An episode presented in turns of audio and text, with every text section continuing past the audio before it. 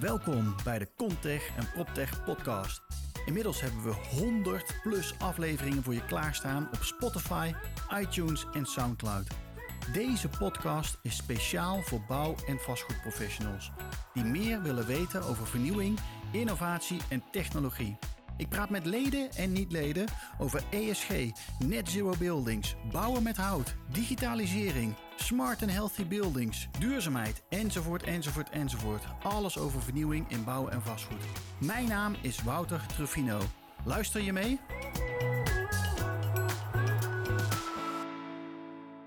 Uitzending gaan we terugblikken met onze Raad van Inspiratie. En we gaan ook uh, een sessie die was tijdens het RBF Festival gaan we niet herhalen, maar gaan we eigenlijk een, een, een slag aangeven, een slinger aangeven en kijken hoe ver we kunnen uh, gaan met CO2-neutraal investeren in vastgoed. Dat doen we straks als laatste. Dat doen we met uh, uh, Marijn Baudelier van, uh, van Greenberg Taurig. dat doen we met Jaap van der Bel van Altera Vastgoed en Sophie Kraaienveld van ING. We gaan straks aan de slag met de Raad van Inspiratie. Dat is Inge Kortekaas van ehm, Annexum, Tim Luit COD en natuurlijk Ryan Jorna van de Rabobank. Welkom allemaal. Groot applaus. ja, dat werkt. dat werkt. Voordat we aan, uh, aan start gaan aan tafel, gaan we eerst even naar een video kijken van Saman Mohammadi van Reborn, wat hem is opgevallen in vastgoed de afgelopen maand. Dus ik ben heel benieuwd. Saman, aan jou het woord. Dagelijks word ik gebeld of we ons bevinden in een perfect storm situatie. En als ik de mediacratie op opensla, dan barst het van ellende.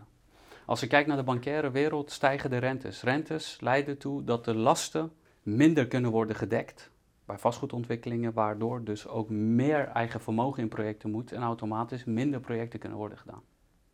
Stijgende rente zorgt er ook voor dat er minder kan worden betaald, minder wordt ingekocht. Als je kijkt naar de inkoop, de beleggers die hebben heel lang veel geld op de plank gehad en die konden ze niet uitgeven. En nu ze dat kunnen doen, zeggen ze we wachten wel even op de rente die aan zit te komen.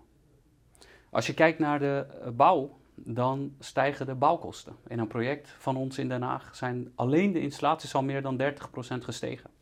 En dat betekent een business case die onder water komt te staan. Wat doe je dan? Bovenop de energiestijgingen.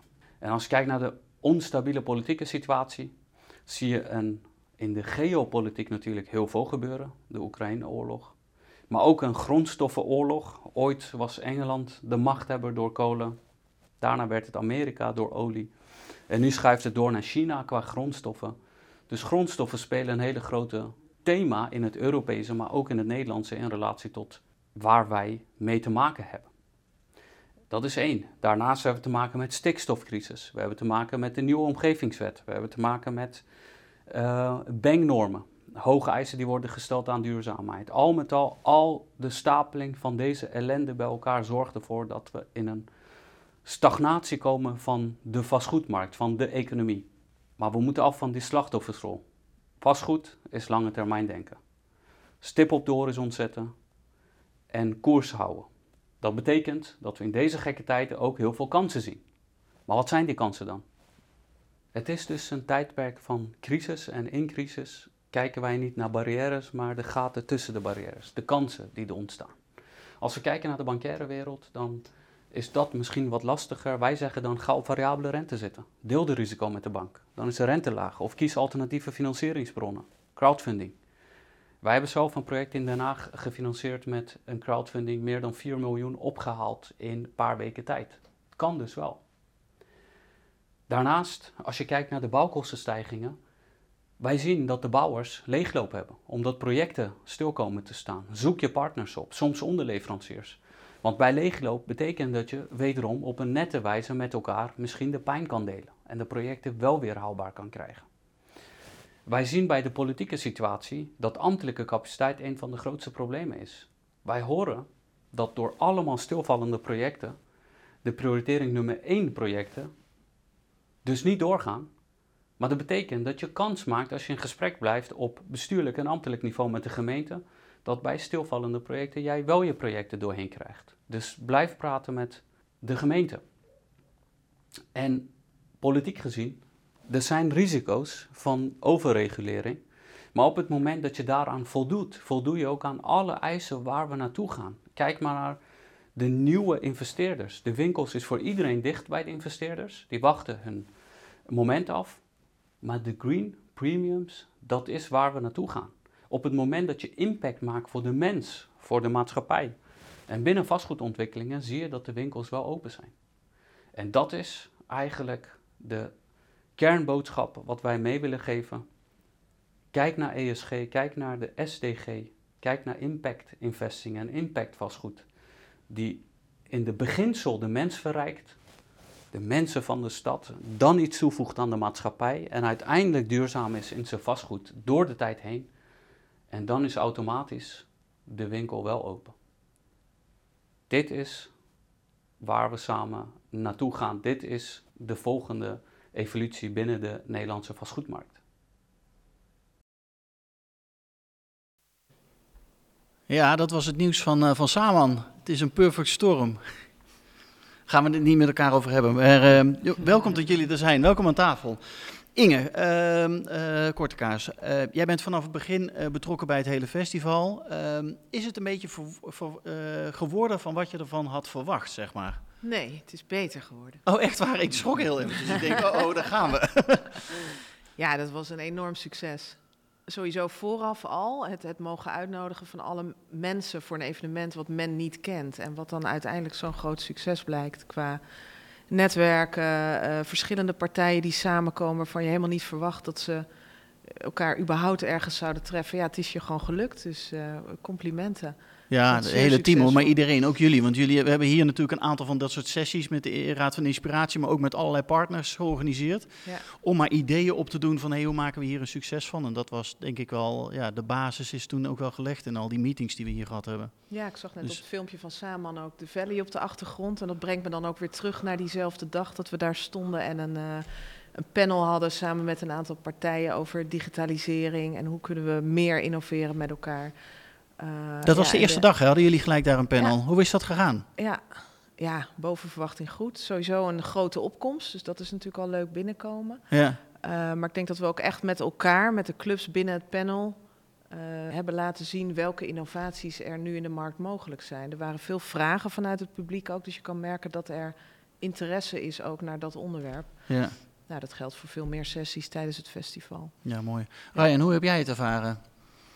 Ja, ik heb het super mooi ervaren, want ehm, ik, ik heb onder andere deelgenomen aan uh, het festival om kennis op te doen en uh, te delen. Nou, uh, kennis opdoen, ja, ongelooflijk. Hoeveel, al die verschillende locaties, al die verschillende sessies. Ja, het waren een beetje veel, hè? Het, wa het, het waren zeker heel veel.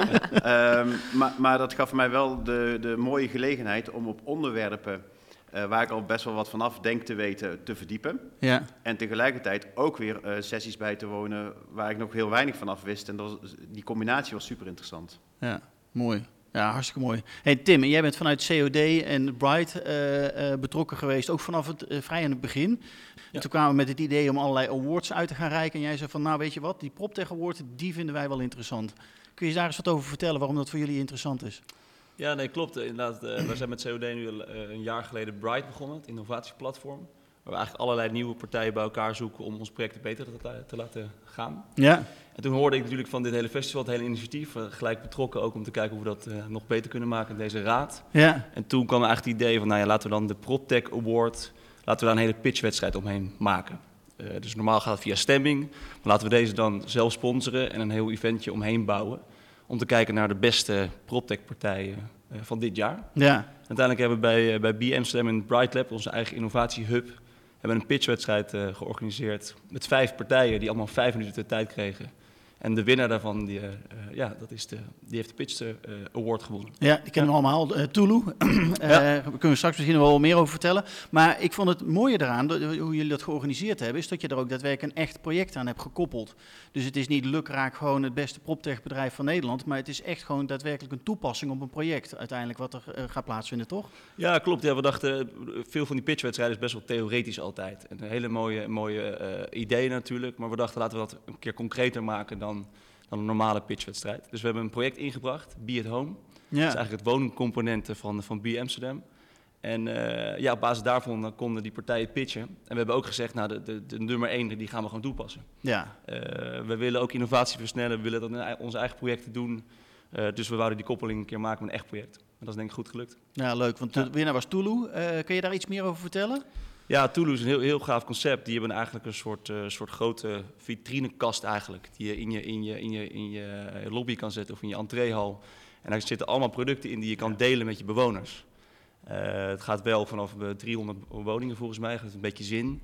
Maar daar zit een stofzuiger in, een boor, een Playstation. Allemaal producten die je normaal moet kopen voor jezelf.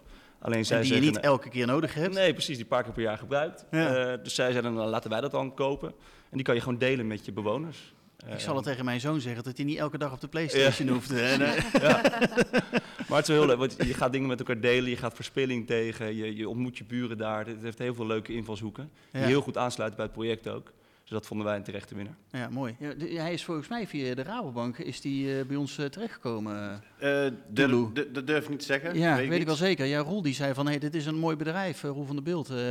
Wouter, ken je deze al? Ik zei, nee, die ken ik nog niet. En toen kwam het hele balletje aan het rollen. Ja. ja. ik, ik, ik heb een podcast, in een podcast heb ik ook gehoord wat ze inderdaad vertelden. En ja, ik vind het idee gewoon super. En ik denk, ja, waarom, waarom niet gewoon bij mij thuis in de straat, maar op, die, op diezelfde manier. En, en zijn ze niet onlangs partner geworden van... Ja, ja, ja, klopt. Ja. Waarom? Ja, dat is hartstikke leuk. Ja. Toen nog best lang over gehad ook, van moeten we niet in elke wijk inderdaad zo'n box neerzetten? Van waarom delen we niet veel meer met elkaar? Dus dat was nog een, uh, daar hebben we zelf ook over nagedacht. Dat is lastiger volgens mij dan, dan we nu denken. zeker. Maar het is een heel leuk concept en initiatief om dat veel meer met elkaar te gaan delen. Ja. ja. Ja. dat is nog vrij lastig. Want volgens mij is een van de eerste succesvolle Nederlandse start-ups zeg maar, die helemaal gehyped werd, was Peerby. Uh, en die waren daarmee bezig om met name in wijken de, de grasmaaier en de, de ladder, die je ook niet elke dag nodig hebt, met elkaar te, te gaan delen. Maar dat is nog best wel een moeilijk concept. Uh, ja. En dan denk ik dat dit veel makkelijker is, gewoon in een appartementencomplex. Ja, precies. Het is een goed begin. Ik bedoel, eigenlijk moet je dit gewoon in elk gebouw toepassen, als het een beetje schaal heeft. En uh, ja, dit is denk ik wel echt een ja, leuke, leuke, leuke winnaar. Mooi. Volgend jaar weer, denk ik, toch? Zeker. Heb je dan ook alweer een project waar je aan zit te denken die, eh, die je in gaat brengen? Nee, nog niks in gedachten, maar we gaan denk ik weer hetzelfde doen. Gewoon weer een project en misschien nu weer een andere scope. Dus misschien wel juist meer naar de kantoren of meer een hotel. Um, ja, dan willen we het uh, nogmaals doen. Mooi. Ja. Ryan, hoe, want jij had net over van, veel inspiratie tijdens die twee dagen. Wat is je dan het meest bijgebleven, zeg maar? Nou, uh, ik, ik hou me bezig met uh, verduurzamen van woningen en van uh, utiliteitsgebouwen en energielabelverplichtingen en dergelijke. Dus de sessie als The Road to Paris en dergelijke, ja, die vond ik interessant en daar heb ik nog extra nieuwe dingen op gepikt. Maar ik wist niks van slimme gebouwen en ik wist niks van houtbouw. Dus ja, door die sessies bij te wonen gaat ook een hele nieuwe wereld voor je open. En dat vond ik het mooie. Ja, ontelbaar verschillende sessies op basis van je eigen interesses kunnen kiezen. Ja. In combinatie met uh, tussen de locaties uh, wandelen, dat vond ik geweldig. Leuk. Inge, volgend jaar, hoe gaan we het volgend jaar nog beter doen? Heb je dingen, zijn er dingen opgevallen van je denkt van nou... Ja, ik denk dat we qua, uh, qua aankleding, qua eindafsluiting, nou ja, nog meer mogen knallen. We mogen echt wel laten zien dat we een festival neerzetten waar iedereen gewoon bij moet zijn. Ja, ook in een eh, moeilijk jaar, want het wordt misschien wellicht een moeilijk juist jaar. Juist in een moeilijk jaar, om die positiviteit erin te houden. En kijk naar dingen die wel uh, goed gaan en, en juist kansen die er komen. Hè. Ik bedoel, die overheidsmaatregelen zijn natuurlijk eh, bijvoorbeeld nu in de woningen, ja, kunnen licht dramatisch worden ervaren. Hè? Dat is dan, uh, licht dramatisch, ja, is positief uitgedrukt. Licht dramatisch. uh, maar er zijn ook heel veel nieuwe kansen. Hè? De duurzaamheid wordt versneld, de digitalisering wordt hierdoor versneld. Je zult wel moeten, wil je nog je rendementen kunnen halen als vastgoedbelegger. Ja. dus als je op die manier kijkt, dan kun je prima de party vibe nog meer aan zo'n festival geven. Dat, juist dat netwerk is heel belangrijk. Nog meer samenwerken. We zien nog veel te veel losse clubjes in de markt. Als ik het dan specifiek over digitalisering heb, die niet met elkaar samenwerken. Ja. Terwijl ze eigenlijk een soortgelijk product leveren. Uh, waar ze elkaar heel erg eh, zouden kunnen vinden en, en, krachten kunnen bundelen. En ik denk dat dat festival daar ontzettend geschikt voor is. Ja, dat is nog wel heel ingewikkeld hoor. Want wij zijn nu ook met een hele grote challenge bezig vanuit uh, internationaal vanuit Eimar in Dubai. Ja, daar spreken we 240 bedrijven wereldwijd en daar zie je precies hetzelfde. Het is zo verdeeld in allerlei niche-oplossingjes. En ja, dat zou, als dat veel meer met elkaar verbonden zou zijn, dan zouden we echt een waardevolle oplossing kunnen bieden. Maar en het gebeurt nu al, hè? Kijk naar een Cubix Eyes, een OSRE ja, die, hè? en de samenwerking met de ARIO. Het gebeurt al. Ja, heel goed. Moeten we ook niet vergeten. En dat is mede dankzij het RBF-festival. Nou, leuk. Leuk om te en, horen. Uh, en, en de connecties die worden gemaakt. En wat zijn er meer dingen waarvan je zegt van, nou, dat zou je volgend jaar nog wel weer meer terug moeten laten komen? Um, jullie allen hoor. Dat, nou, wat, wat mij opviel, omdat ik zoveel interessante zaken had als panels en, en keynote sprekers, had ik zelf relatief beperkte tijd om tussendoor af en toe eens een keer met uh, mensen informeel te kletsen. En juist die informele gesprekken zijn ook super boeiend en interessant. Ja. Dus daar zou ik voor mezelf in ieder geval uh, meer tijd voor willen pakken. En um, ja, het waren vaak panels en of uh, keynote sprekers.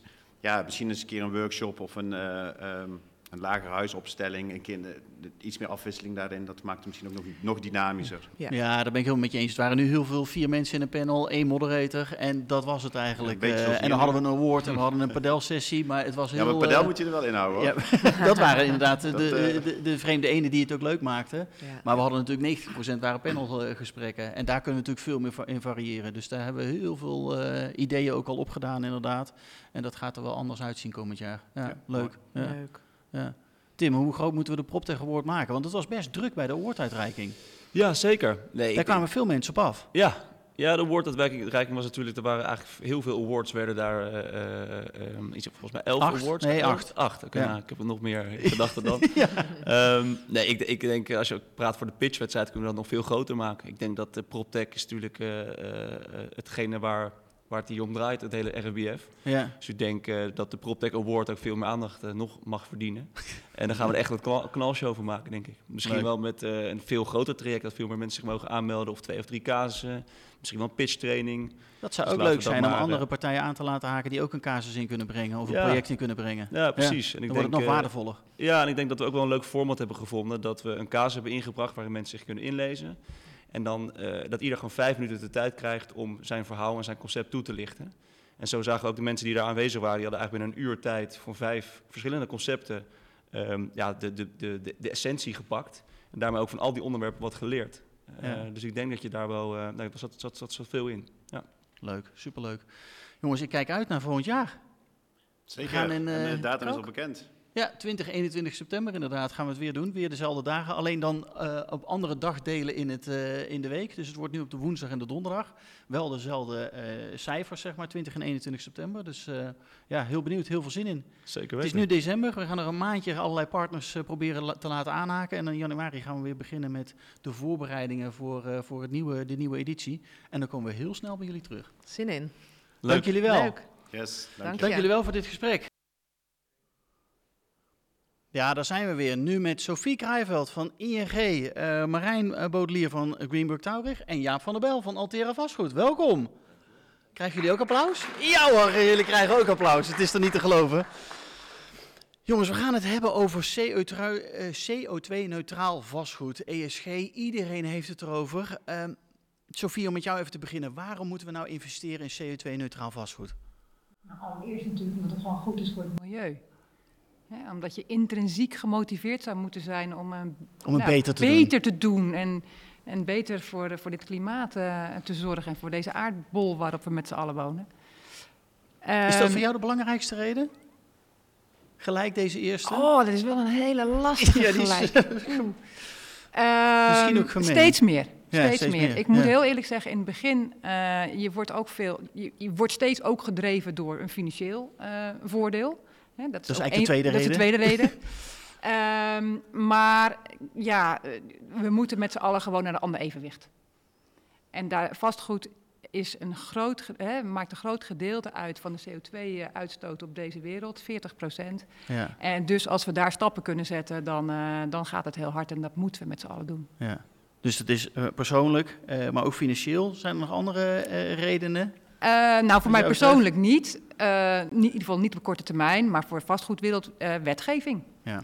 Ja, er, komt, er, er, is al heel wat wetgeving en er komt nog veel meer aan van ja, wat, waar we ons aan moeten conformeren, voldoen om, om volgens de Nederlandse wet en de Europese wet vooral ook ja, daaraan ja, voldoen. Precies, ja, ja, wat is het voor jou? Als investeerder in vastgoed. Ja, kijk, ik, is het? Uh, het? het? is intrinsiek, hè? dus eerst even persoonlijk, het is intrinsiek. Ik kan het eigenlijk nooit zo hebben als we kwaliteit laten liggen. Nee, maar moet het wat jou betreft ook intrinsiek zijn? Want als vastgoed zijn we, zijn we natuurlijk gewoon bezig met stenen, we zijn met investeren bezig, het gaat over geld, het gaat over ja. pensioenfondsen waar we ook iets uh, waarde aan toe moeten leveren.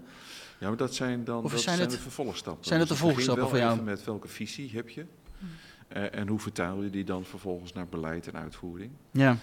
en dat helpt dan wel als je ook die intrinsieke motivatie hebt. Ja. ja. en, en dan komt erbij wat je ook zegt, is wat levert het op en voor welke stakeholders? Want dat vergeten we wel eens. Wij kijken bij Altera heel erg naar enerzijds de belegger en als ik het even op wonen betrek, ook de bewoners. Uh, ja, we doen het voor totaal de andere kant. Groepen, ja. En daarbij zit dan nog veel meer stakeholders. Uh, dat kan de consument zijn in een winkelcentrum wat we hebben. Uh, maar het kan ook de politiek zijn die regels maakt, die beleid afspreekt. en het kan de maatschappij in bredere zin zijn. Ja. Marijn, hoe, hoe kijk jij hier nou? Ja, ik, kijk, ja, ik ben natuurlijk een jurist, hè, dus... Uh, ja, maar je hebt ook kinderen. Jouw kind, uh, vandaag is uh, jou, jouw dochter wordt drie. Vandaag, dus, ja, hoe, dus, hoe kijkt die er dan naar? kijkt die al met een bredere blik de wereld in van papa? of nog te jong? nee, die, die had een ballon gekregen en die vloog vanochtend weg. Dus dat was niet zo milieu... maar, maar nee, die, die, die kijkt hij natuurlijk... maar, maar papa kijkt wel op een andere manier naar de wereld, door, omdat je een kind hebt. Hè. Dat, dat, ik denk dat eh, dat dat voor, voor zich spreekt. Ja. Uh, maar ik kijk, uh, ik zie eigenlijk twee dingen gebeuren juridisch. Eén, dat is dat je door allerlei rechtspraak, ook in Nederland, hè, Urgenda en Shell, er gewoon een verplichting is om CO2-uitstoot te verminderen. Dus als je ook een grote vastgoedpartij bent, hè, heb je eigenlijk een juridische verplichting om je daarmee bezig te houden. Uh, en ik denk dat er een andere ontwikkeling gaande is. Dat is dat de Europese wetgever heel erg de financiële markten aan het beïnvloeden is. Om ervoor te zorgen dat uh, je ook alleen maar groen mag noemen, wat ook echt groen is. Hè? En je ziet dat een hele hoop geld wordt geoormerkt voor groene investeringen. Uh, en ik denk dat je er in de toekomst niet meer mee wegkomt om te zeggen dit is groen terwijl het het niet echt is. Ja, hmm. ja. ja want ESG is natuurlijk een mega groot thema. Ja. Uh, maar wat, uh, ja, daar komt al heel snel CO2-neutraal en klimaat om de hoek kijken. Hoe, hoe kijk je daar dan tegenaan? Wat, wat, moeten we doen? Ja, ik vind ESG eigenlijk een te breed begrip. Is te breed? ja, ja, ja en, dat, en, en eigenlijk zien we dat er, er zijn natuurlijk een hele hoop maatschappelijke uitdagingen. Maar misschien moet je toch beginnen bij wat is nou het allerbelangrijkste. Hè? Dat is de planeet bewoonbaar houden. Uh, en dan denk ik dat je eigenlijk zou moeten zeggen, ESG heel belangrijk, maar dat staat op twee. Hè? We, we, kiezen voor echt voor het klimaat om dat te redden. Ik denk dat dat uh, uh, verstandig zou zijn. Ook om ja. focus te hebben hè, als bedrijf. Hoe ga je nou met duurzaamheid om? Hmm. Super ingewikkeld om dat goed te doen. Nou, taxonomie kan je daar misschien bij helpen. Hè? Dus die Europese verordening wat definieert wat duurzaam is. Maar ook gewoon een keuze voor laten we nou het klimaat op één zetten, dat maakt het wel makkelijker. Ja. Hoe kijk jij daarnaar, Jaap? Uh, ik ben, en ten eerste begrijp ik de redenering, ja. uh, maar ik kijk er wel anders naar, omdat we in het hier en nu opereren, vooruit denken, vooruit doen. Hè, dus wat willen we bereiken in de toekomst? Maar in het hier en nu ook gewoon rekening moeten houden met de belangen van andere stakeholders. Waaronder de politiek, die bijvoorbeeld een onderwerp als betaalbaarheid, en dat is overigens ja. terecht, ja. ook centraal op de agenda zet. Ja. Nou, dus wat wij niet kunnen doen, is het zeg maar monomaan maken. Wij moeten wel werken met het bredere begrip ESG en wat er allemaal in zit om tegemoet ja, want de E is uh, energie, daar zit misschien meer de klimaat in. En de S ja. zit natuurlijk veel meer de social dingen in. En de ja. G is misschien nog wel, wel nog meer ingewikkeld om, daar, nou, nee, om kijk, die tastbaar uh, te maken. Misschien heel kort van de, bij de E kan je inderdaad de nadruk leggen op klimaat en energie. Ja. En bij de G hebben we het eigenlijk vooral over de container van regelgeving van allerlei aard, die steeds meer de E en de S gaat beïnvloeden. Die gaat zeggen: dit is goed, dit is groen, dit is bruin. Ja. En dat vinden we overigens ook heel fijn als dat onderscheid goed gemaakt wordt. Ja, dat is nog best ingewikkeld, ja, maar dan heb, je daar heb je wel wat aan. Daar heb je zeker wat aan. Ja. Dat is alleen maar een goede motivator. En de S is zeg maar de sociaal, dan is plotseling iedereen verward van, ja, wat is sociaal eigenlijk? Terwijl we het wel heel snel weten als het asociaal is. Ja. Uh, uh, dus die moet je goed vullen. Maar in ieder geval, een ja. van de kernen die daarin zitten is de betaalbaarheid. Ja. Uh, en een kwalitatief goed product aanbieden.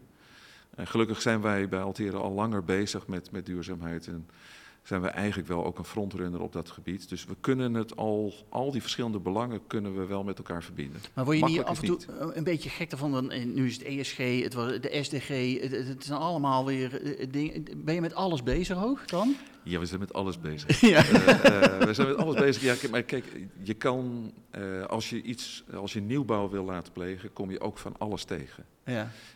dus in het vergunningentraject. Maar als je het gaat verhuren, kom je ook allerlei reguleringen tegen. Dus je kan niet bukken daarvoor en dat hoeft ook helemaal niet. Maar dat betekent wel dat je 360 graden om je heen moet kijken dat Zoals gezegd, vooruit denken en dan vooruit doen. Ja. Sophie, uh, nou zijn we al heel druk natuurlijk de afgelopen jaren bezig geweest met uh, label C uh, om dat te gaan halen. Nou, daar, daar, zitten we bijna, het is bijna januari. Ja. Ehm, wat brengen jullie naar de markt om de markt zeg maar, weer vooruit te helpen richting 2050? Want ja, voor je het weet is het alweer zover en dan moeten we alweer andere dingen doen. Ja, label C zijn we heel vroeg mee begonnen. Hè? Dus als ING Real Estate Finance zijnde.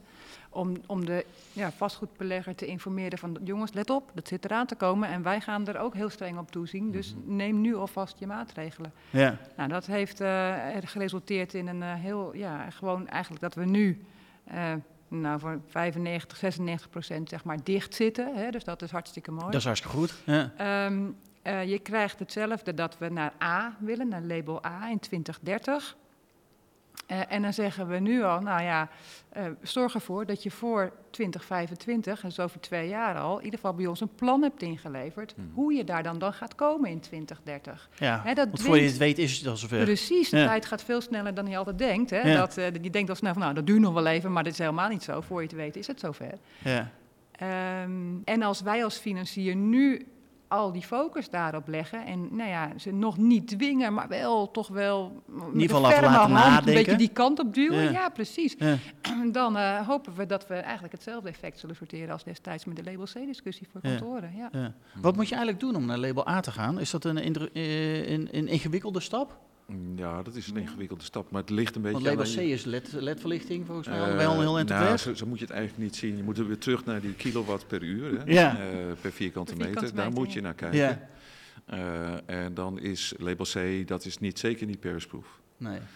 en in binnen label A moeten we toch naar die dubbelplus kant. En dat is ongeveer 40 kilowattuur per vierkante meter. Per vierkante meter, ja. En wat wij hebben gedaan is gewoon voor alle assets, een beetje in lijn ook wat je zegt hebben we gewoon asset roadmaps gemaakt van wat moet je nou precies aanpassen aan die assets, met name de bestaande assets, nieuwbouw is mhm. wat anders, uh, om die op die 40 kilowatt te krijgen. Ja. Uh, en dan kijk je aan tegen allerlei maatregelen, soms gebouwadaptief uh, en soms ook toevoegen van installaties. En daar zou ik inderdaad maar, maar dat is een beetje in jouw woorden, ruim de tijd voor nemen. Nu beginnen, anticiperen. Anders loop je ook in die, zeg maar, die, die, die schaarste terecht. Hè? Ja, ja wat bedoel je dan met schaarste? Dan, uh, als je het nu nog niet besteld hebt, dan loop je het misschien... Uh, ja, dan loop je het mis. Ja, dan loop je het mis. Niet. Dan ben je, en dan ben je weer in default van regelgeving. Hè? Dus in breach van regelgeving. Ja. Uh, want die klimaatwet geldt al, hè? Ja. 2030. Die eisen gelden al. Dus ons idee is, als je in 2028 daar nog niet mee bent begonnen... dan ben je gewoon al feitelijk te laat. Dan ga je het niet meer halen. Ja. Dus vooruit werken uh, op wat er komen gaat. Interessant. Jongens, even een vraag aan het publiek. Dus jullie mogen straks je handen omhoog of uh, naar beneden laten. Er zijn door allerlei vastgoedbedrijven van die net zero pledges gedaan ook. Uh, wat vinden jullie? Dragen die net zero pledges nou juist bij uh, aan de versnelling of juist niet? Dus als je denkt van wel, dan doen we even de handen omhoog. Van zo'n pledge helpt wel. Of jullie denken allemaal van niet? Die net zero pledges hebben niet geholpen? Marijn, hoe, hoe, zie jij dat? Want het werd op een gegeven moment best bijna een wedstrijdje overtoepen. Het begon met een partij die zegt van 2050 hebben wij alle uh, assets net zero, 2045, 2040, 2035. Het werd steeds lager, leek wel. Ja. Uh, hoe kijk je hier tegenaan, tegen al die pledges? Nou ja, er zijn twee, twee dingen zijn daar denk ik belangrijk. Het eerste is dat er uh, volgens mij een recent onderzoek is gedaan dat de 3000 grootste bedrijven wereldwijd een net zero pledge hebben gedaan. En dat 93% totaal niet op schema ligt om dat te halen. Hè. Dus die zouden radicaal... Dus dat gaat niet goed? Nou, uh, de pletjes leuk? Nee, ik, ik denk dus dat je zult zien dat die bedrijven met de werkelijkheid geconfronteerd gaan worden. Hè? Dus dat de werkelijkheid ze gaat inhalen en dat als je iets gezegd hebt, dat je dat ook ouderwets ook moet gaan doen. Ja. Hè? En uh, sterker nog, ik denk dat als je dit soort dingen gezegd hebt, maar het niet gaat doen, en helemaal als het gaat over investeringen en over bijvoorbeeld green bonds die je hebt uitgegeven, waarbij je bepaalde toezeggingen hebt gedaan, dat je nog wel eens het risico loopt dat je daar uh, juridisch gigantisch mee in de problemen kunt komen. dus uh, die, die net zero pledges die hebben wel zeker waarde. En ik geloof ook dat die ervoor gaan leiden dat die bedrijven in de toekomst zich echt moeten gaan... Die moeten gaan versnellen. En ik vind het ook supergoed wat, wat hier net gezegd wordt, dat, ja, dat, dat, dat, dat ING als bank daar ook al mee bezig is. Hè, om bedrijven te zeggen, hé, hey, let even op, uh, er komt iets aan. Ja. Um, dus ja, ik, ik denk dat die net zero pledges wel gaan helpen, maar er moet wel nog wat gebeuren. Ja, ik wil wel met en, eens. En, is het dan, en hoe kijk je dan aan tegen het fenomeen van greenwashing? Is dit greenwashing, zeg maar? Zeggen dat je iets doet en het dan en 93% ligt achter? Ja, ik denk het wel. En uh, kijk, wat, wat, wat ik als een belangrijk uh, juridisch risico zie bij investeren in CO2-neutraal vastgoed, of je dat nou indirect investeert in een fonds of een fonds rechtstreeks in dat vastgoed, is greenwashing. Hè? Dus Ehm, eh, we, krijgen nu, we hebben nu natuurlijk een definitie, hè, wat een duur, ecologische duurzame belegging is, door de Europese taxonomieverordening. Ja. ja, als je daar in de toekomst dus niet aan voldoet, hè, ja, dan, dan, dan heb je eigenlijk iets toegezegd wat je niet kunt, kunt waarmaken. Ik heb een heel mooi voorbeeld van een Amerikaans bedrijf wat laatst green bonds uit, uit wilde gaan geven. Die hadden in hun in hun documentatie hadden ze gezegd dat ze zich zouden houden aan de Europese Renewable Energy Directive. Nou, dat zijn best vergaande regels. En die dachten, nou laten we dat nog heel even checken of dat ook wel echt zo is. Nou, en die kwamen erachter dat daar een hele wereld van verificatieverplichtingen, et cetera, achter zit. En dat maar heel snel eruit hebben gehaald. En dus, Want dat werd toch te ingewikkeld? Dat werd veel te ingewikkeld. Maar je ziet, zult wel zien, denk ik, dat die Europese regelgeving, net een beetje als die privacywetgeving, dat die ook buiten Europa effect gaat hebben. Hè? Want investeerders die in Europa gaan investeren, die zullen zich toch aan die regels moeten gaan houden. Ja, Sophie, hoe kijk jij daar tegenaan, tegen al die nieuwe wet en regelgeving die er op ons afkomt? Of op de vastgoedwereld afkomt vanuit Europa? Nou ja, het is wel wat Marijn zegt, het is wel complex. Ja. Hè? Maar, we, maar we moeten er wel gewoon in mee. Dus ja, uh, ja ik denk dat, dat financiële partijen, maar ook andere partijen daar gewoon de, de, de vastgoedbeleggen goed mee moet kunnen ja, begeleiden, uh, duiding moet kunnen geven. Van joh, weet je, dit heeft het van invloed, uh, voor invloed op jouw portefeuille. Ja. Um, ja, dus, dus ja, we zullen daar wel uh, ook wel handen en voeten aan moeten geven. Want ik moet eerlijk zeggen, ik ben geen jurist en uh, heel veel mensen zijn geen jurist. En als je toch al die directives probeert te ontwarren, dat is best wel ingewikkeld. Ja. ja. ja. Wordt het te ingewikkeld, ja, met al die, ja. wetten, die, die, regelgeving? Want we hebben nou, de, wat is het allemaal, de EPD, uh, ja. de CSRD, de CSDD, de EU-taxonomie, die eigenlijk alleen maar een begrippenlijst is. Wordt het ingewikkeld? Nou ja, it, it, comes with the territory. Ik ben juist heel blij met regelgeving. Ja. Uh, uh, want je kan dan beter het onderscheid aanbrengen tussen wat, wat groen of bruin is, om het dan maar zo te zeggen. Dus ja, hoe meer, hoe beter wat jou betreft? Nou ja, kijk, of hoe helderder, hoe beter? Ik, ik aanvaard, je moet gewoon wel accepteren dat regelgeving kan nooit in één keer perfect zijn. Maar het is denk ik heel goed dat uh, de regelgever initiatief neemt om dat in dat convergentietraject terecht te komen. Zeggen van nou, dan beginnen we hiermee. En, en in de loop van de tijd uh, wordt dat dan duidelijker en beter. En ja, het is een soort belasting, uh, dus niet even fiscaal bedoel ik, maar een belasting voor organisaties om daar doorheen te vroeten. Uh, maar het past bij de houding die je moet hebben. Je wil wel weten, als doen. je iets belooft, ik kom terug op jouw woorden, is dat je het ook echt, echt goed doet. Ja. Want ik ben met je eens, die class actions, dat is wel iets wat op de loer ligt van als je het wel zegt en niet doet, dan word je op een gegeven moment word je aangesproken. Uh, ook in een procedure. Uh, en dat is ook fair. Dat is een ja. andere ja. invalshoek. Ja. Maar merk jij dit ook vanuit pensioenfondsen die uh, dit soort vragen gaan stellen naar, ja, naar partijen wij, wat wij moeten jullie, doen, hè, van, uh, als alteren, wij moeten zeg maar, die brugfunctie goed innemen. Pensioenfondsen uh, formuleren be, uh, beginselen en principes ten aanzien van verantwoord beleggen. Ja. Die, ja, kijk, die zijn op een wat hoger abstracte ni uh, niveau neergezet. Dus wij moeten ze meehelpen om te vertalen naar hoe je het concreet toepast. Dat is onze rol.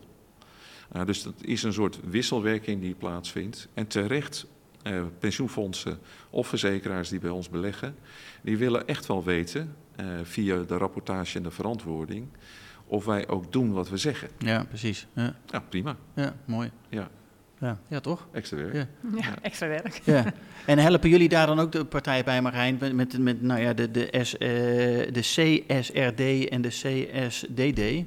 Uh, ja, zeker. Uh, Want kun je eens uitleggen wat het precies is? Want, uh, CSRD je... is een verplichting, hè, Corporate so uh, Sustainability Reporting Directive. En de CSDD, Corporate Sustainability Due Diligence Directive. Uh, die, de CSRD is inmiddels aangenomen. CSDD uh, die loopt nog door het Europese wetgevingstraject. Uh, maar je hebt natuurlijk al de uh, non-financial sustainability reporting. Dat, dus financiële partijen moeten al rapporteren over hun duurzaamheidsprestaties. Ja. Uh, maar nu gaat dat breder worden, dat ook de wat grotere ondernemingen in hun jaarrapport ook moeten opnemen wat ze doen aan duurzaamheid. En dus ja, dat moet heel gedetailleerd. Dat, is niet meer zomaar even een... want er zijn dus ook standaarden voor opgenomen. En je moet dan dus ook voldoen aan het, aan het begrippenkader van de taxonomie. Dus als je zegt duurzaam, moet dat ook duurzaam zijn in lijn met taxonomie. Of je moet uitleggen waarom dat niet duurzaam is in lijn met de taxonomie.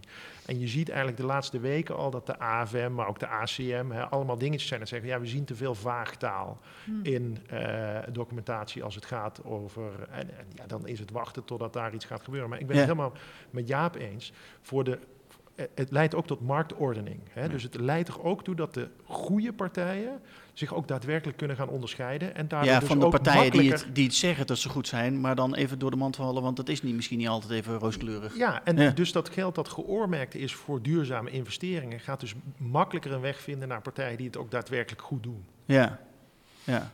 En daar komt dus meer geld beschikbaar dan ook dat de juiste kant op gevloeid. Ja, maar kijk, er is meteen ook een business rationale. Los van die in, eh, zeg maar, dat, dat intrinsieke motivatie eh, die je kan hebben bij duurzaamheid of ESG in brede zin. Ja. Er, er zijn dus belangrijke waardes op te halen. Niet alleen voor die belegger en die bewoner, maar ook voor het bedrijf. Uh, want waarom zou je je niet positioneren als een frontrunner ja. uh, op dit vlak? Ja, ja dat wordt uh, steeds interessanter dus. Ja, en, en als je dat dan ook goed ter hand neemt, dan kan je het ook allemaal aantonen en bewijzen. En dat schept weer vertrouwen bij diverse stakeholders. Ja. En dan hoop je natuurlijk wel als bedrijf dat je de, de, favoriete keuze bent van, van beleggers. Dan is er weer geld om goede, duurzame en betaalbare woningen te, te bouwen. Ja, precies. We zien het ook in de M&A-markt overigens. Wat zei je? In de M&A-markt zien we ook al dat mensen daarnaar kijken van, uh, nou ja, wat, hoe, hoe, hoe is jouw uh, performance op gebied van sustainability? Hmm. En hoe, heb je, hoe is je rapportage daarover? En dat wordt gewoon door de potentiële kopers van ondernemingen echt nu onder de loep gelegd. Ja, ja. En gek genoeg, er zit dus ook waarde dan, een soort embedded value in, het, in een bedrijf. Uh, dat als je dit heel goed kan, die complexiteit van regelgeving en, en de toepassing daarvan, wat ook niet echt natuurlijk heel makkelijk is, dat heeft eigenlijk heel veel waarde voor een bedrijf. Maar je bent gewoon meer, je bent een waardevol bedrijf geworden. Ja. ja. Hey, maar Sofina, wat voor oplossingen is die vastgoedwereld nou op zoek naar jou betreft? Waar zitten de knelpunten? Waar, waar, waar is nieuwe technologie of waar is nieuwe innovatie nog nodig om nou ja, dit soort stappen te kunnen gaan maken? Uh, welke stappen bedoel je precies? Nou ja, om te gaan voldoen aan uh, uh, 2033 label C ook, of label D in die woningvoorraad. Maar ook wat jij net zegt, 2030 naar label A. wat, wat is daarvoor nodig? Geld. Ja, geld sowieso. Is het geld? Dat, nou, ja, maar ze hebben ook oplossingen nodig. Hebben ook nieuwe oplossingen nodig? Nieuwe... Mhm. Ja, nou, digitalisering hè, is natuurlijk sowieso, dat hebben we net al, hè, Inge, dat, dat zei jij, hè, dat gaat hand in hand natuurlijk uh, met verduurzaming, dus dat soort oplossingen. Ja, het is natuurlijk een, het, zijn al, het is heel veel bij elkaar. Je kan niet één ding noemen van je denkt, nou, dat is de heilige graal daarvoor. Uh, als we dat hebben, dan komt alles goed. Ja, want het is energietransitie, het is materialentransitie, het is heel veel. Het is uh, arbeid, het is kennis, het, ja, het, ik... Wat je zou willen is dat je een referentiepunt hebt. Hè? Want het gaat niet om één PropTech-toepassing. Nee. Maar nee. Uh, als je bijvoorbeeld even spreekwoordelijk een, uh, een groot appartementencomplex voor de geest haalt en je zegt van... wat moet hier allemaal in zitten om ook 2050 en daarna -hmm. futureproof te zijn? Nou. Uh, en dan kijk je naar... Wat moet er dan in zitten? Ja? nou, in ieder geval moet je... achter de voordeur wordt het meeste verbruikt. Hè? ja. Dus de, dus uh, het gebouw moet slim zijn en smart zijn. Dus er zitten allerlei al smart meters in.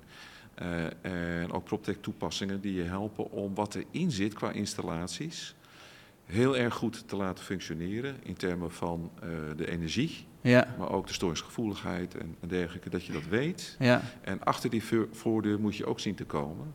Want daar uh, is dan de bewoner of de winkelier of de kantoorgebruiker die aan het toepassen is. Hè. Dat is gewoon zijn woonfunctie. Ja. Uh, dus ook op ja, die moet je erbij betrekken. Ja. Op individueel dus ook het gedrag, het gedrag van ja. de bewoner of de Precies, winkelier. die moet je dan uh, ja. gaan, positief gaan stimuleren. Dan moet je ook weer nadenken over de split incentive daarin. maar je zou zo'n heel referentiemodel kan je nu al schetsmatig maken.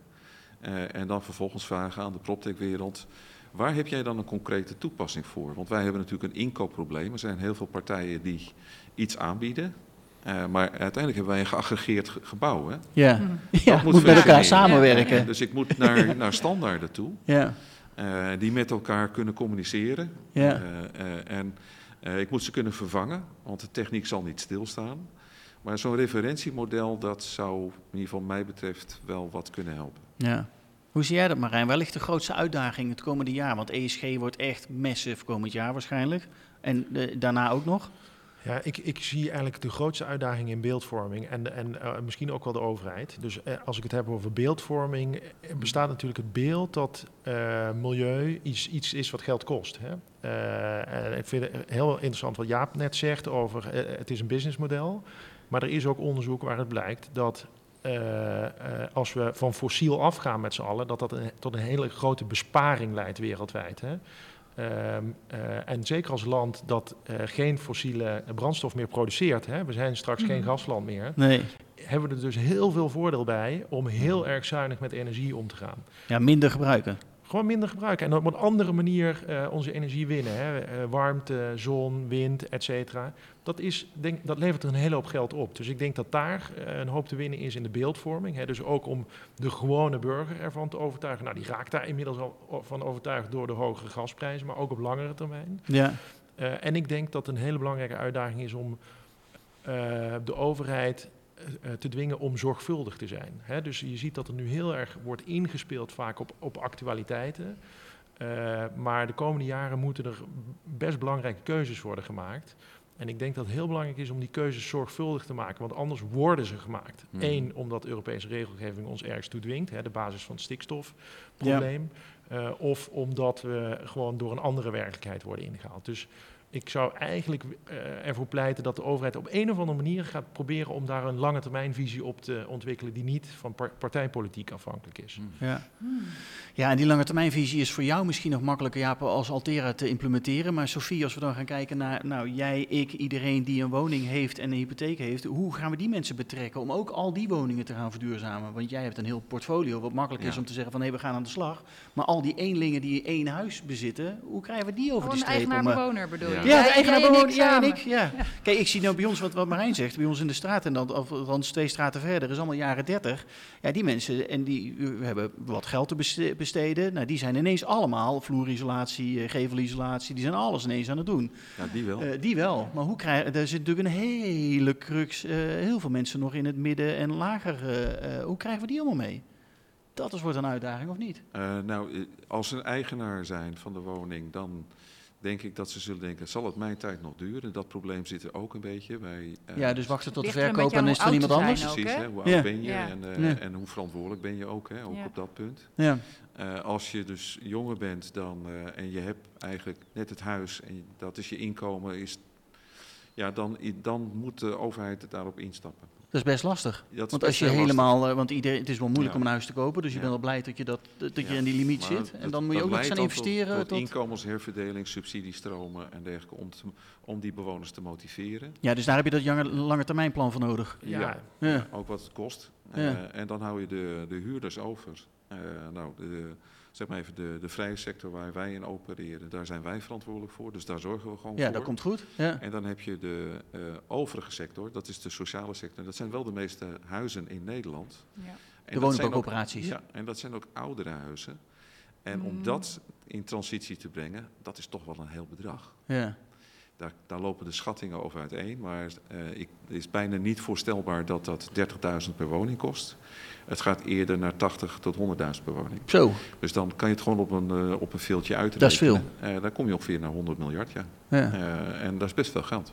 Dat is best veel geld, best veel geld. Maar daar lopen ENS wel parallel. Hè? Dus daar zie je dat als je een investering doet in, die sociaal wenselijk is, uh, ook toeleidt dat je een hele grote besparing qua uh, duurzaamheid gaat, uh, gaat doen. Zeg maar op, de, op, op, op milieu, hè, ja. op environmental. Ja. Ja.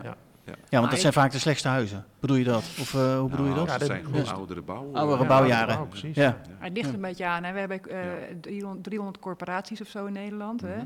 Die hebben inderdaad een flink deel van, van de Nederlandse woningvoorraad. 2,3 miljoen woningen. Maar ze, ze, hebben niet allemaal heel oude huizen. Het ligt er een beetje aan natuurlijk in welk land ze zitten, of in welk deel van Nederland ze zitten. Uh, maar ze zijn wel lang bezig al, hè, die corporaties. Dus die opdracht die hebben ze al, die ligt er al, nou, ik denk zeker al tien jaar. Ja. Dus uh, die, die, ze, ze, zijn er wel voortvarend mee aan de gang. Alleen jij zei natuurlijk inderdaad die betaalbaarheid. Uh, doelstelling hebben ze ook nog. En de beschikbaarheid. Dus dat, dat knelt natuurlijk wel heel erg, die, die drie doelstellingen. Ja, het zijn twee dingen, denk ik. Hè. Van de ene kant moet de huren betaalbaar zijn. Dus dat, dat mogen niet verhoogd worden en geen indexeren. Precies, ja. Dus dat, dat, dat brengt het plafond naar beneden toe. En aan de andere kant, als je die maatregelen gaat nemen... dan merk je dat de kosten daarvan zijn gestegen. Ja. En dat het ook niet allemaal voor, voorhanden is. Dus als we met z'n allen rennen naar 2030 dan, uh, dan is er gewoon diepere schaarste op dat punt. Dus je kan beter nu beginnen. Ja, ja. ja uh, misschien een slotvraag ook aan jou. welk project in jullie portefeuille ben je nou echt het meest trots op wat jullie de afgelopen jaren gedaan hebben? En wat heb je daar gerealiseerd? nou, ik, wat ik een heel leuk project, het is nog in aanbouw vind, het is nog in aanbouw, is de Zaanse Helden in, in Zaanstad.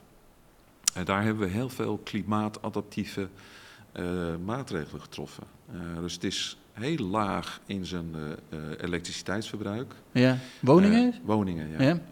en het is ook betaalbaar qua huurniveaus. En we hebben het eigenlijk zo, wordt het gebouwd dat er ook schaduwwerking is tegen hitte, stress, inundatierisico is laag. dat vind ik een heel leuk project, een heel goed project. Ik vind voor zeg maar de eensgezinswoningen grondgebonden vind ik een project wat we in Almere doen. Uh, Achthoven. Uh, dat is eigenlijk voor de groep die nu door de gestegen rente eigenlijk niet meer kan kopen. Dus dat zijn voor de inkomens modaal tot anderhalf keer modaal. Die krijgen die financiering niet meer rond op de gemiddelde koopprijs. Ja. En dit is wel gewoon een eensgezinswoning met een goede tuin en de auto voor de deur uh, die krijg je er ook bij. Uh, ja, die krijg je er mij bij hoor. Die dinkentooi, die krijg je erbij. Uh, maar, die, en dat is betaalbaar. Ja. en, dan, en hoe krijg je dat dan wel betaalbaar? Ah, daar moet je heel erg, heel erg je best voor doen. Ja. dus dat is een project wat we hebben ingezet al voordat de rente en inflatie kwam. Ja. en met een hele goede partij qua bouwer. die ook heel systematisch kan werken. Om zo de kosten zo laag mogelijk te houden. En, en, dat zijn eigenlijk wel een aantal, ja. het zijn nog wel meer projecten waar ik echt met, met plezier over kan vertellen, maar dan wordt het te lang.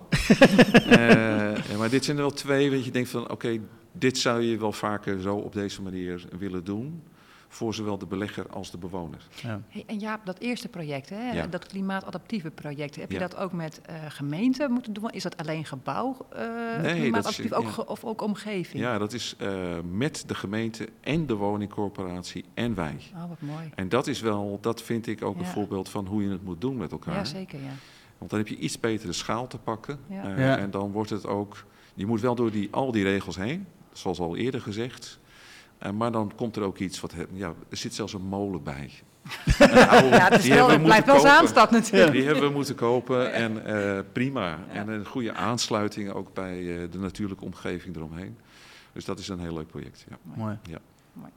Marijn, we zitten in december, uh, volgend jaar. Hoe, hoe, zie jij, hoe, hoe, kijk je aan tegen CO2, neutraal investeren in vastgoed, ESG? Wat gaat er op een pad komen van vastgoed? deze trein gaat uh, nog steeds sneller en sneller verder. Dus dat, en dat is on, onontkoombaar. En mensen die denken dat dat niet zo is, die, die vergissen zich volgens mij. Dus uh, wat ik uh, als jurist, waar ik natuurlijk ja, wat bang voor ben, is de omgevingswet.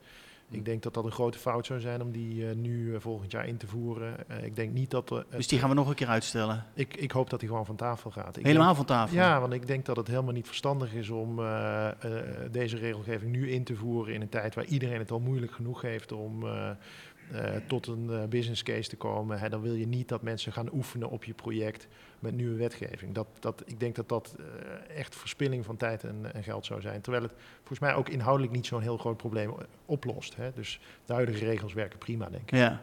Maar stappen in ieder geval op die ESG-trein, die ja, duurzaamheidstrein. Ja, zeker. Ja. Sofie, wat is het voor jou?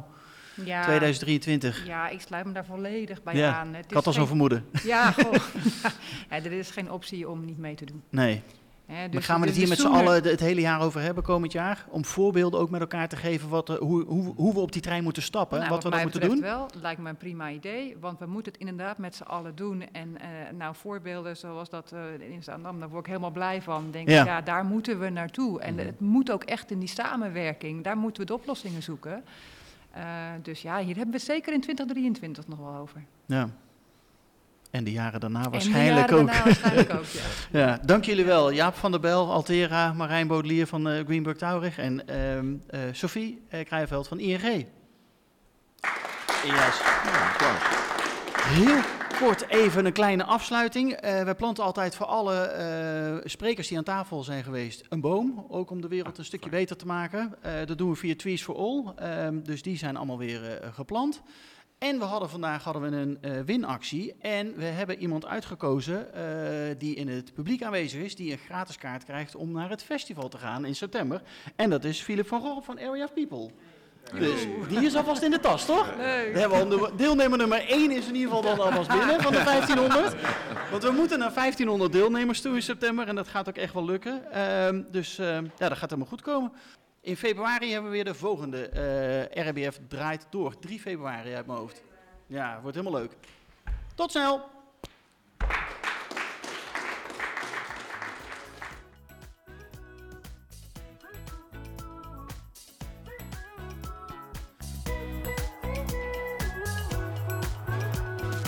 Dankjewel voor het luisteren naar deze aflevering van de Contech en PropTech podcast. Ik hoop dat je andere afleveringen ook gaat luisteren.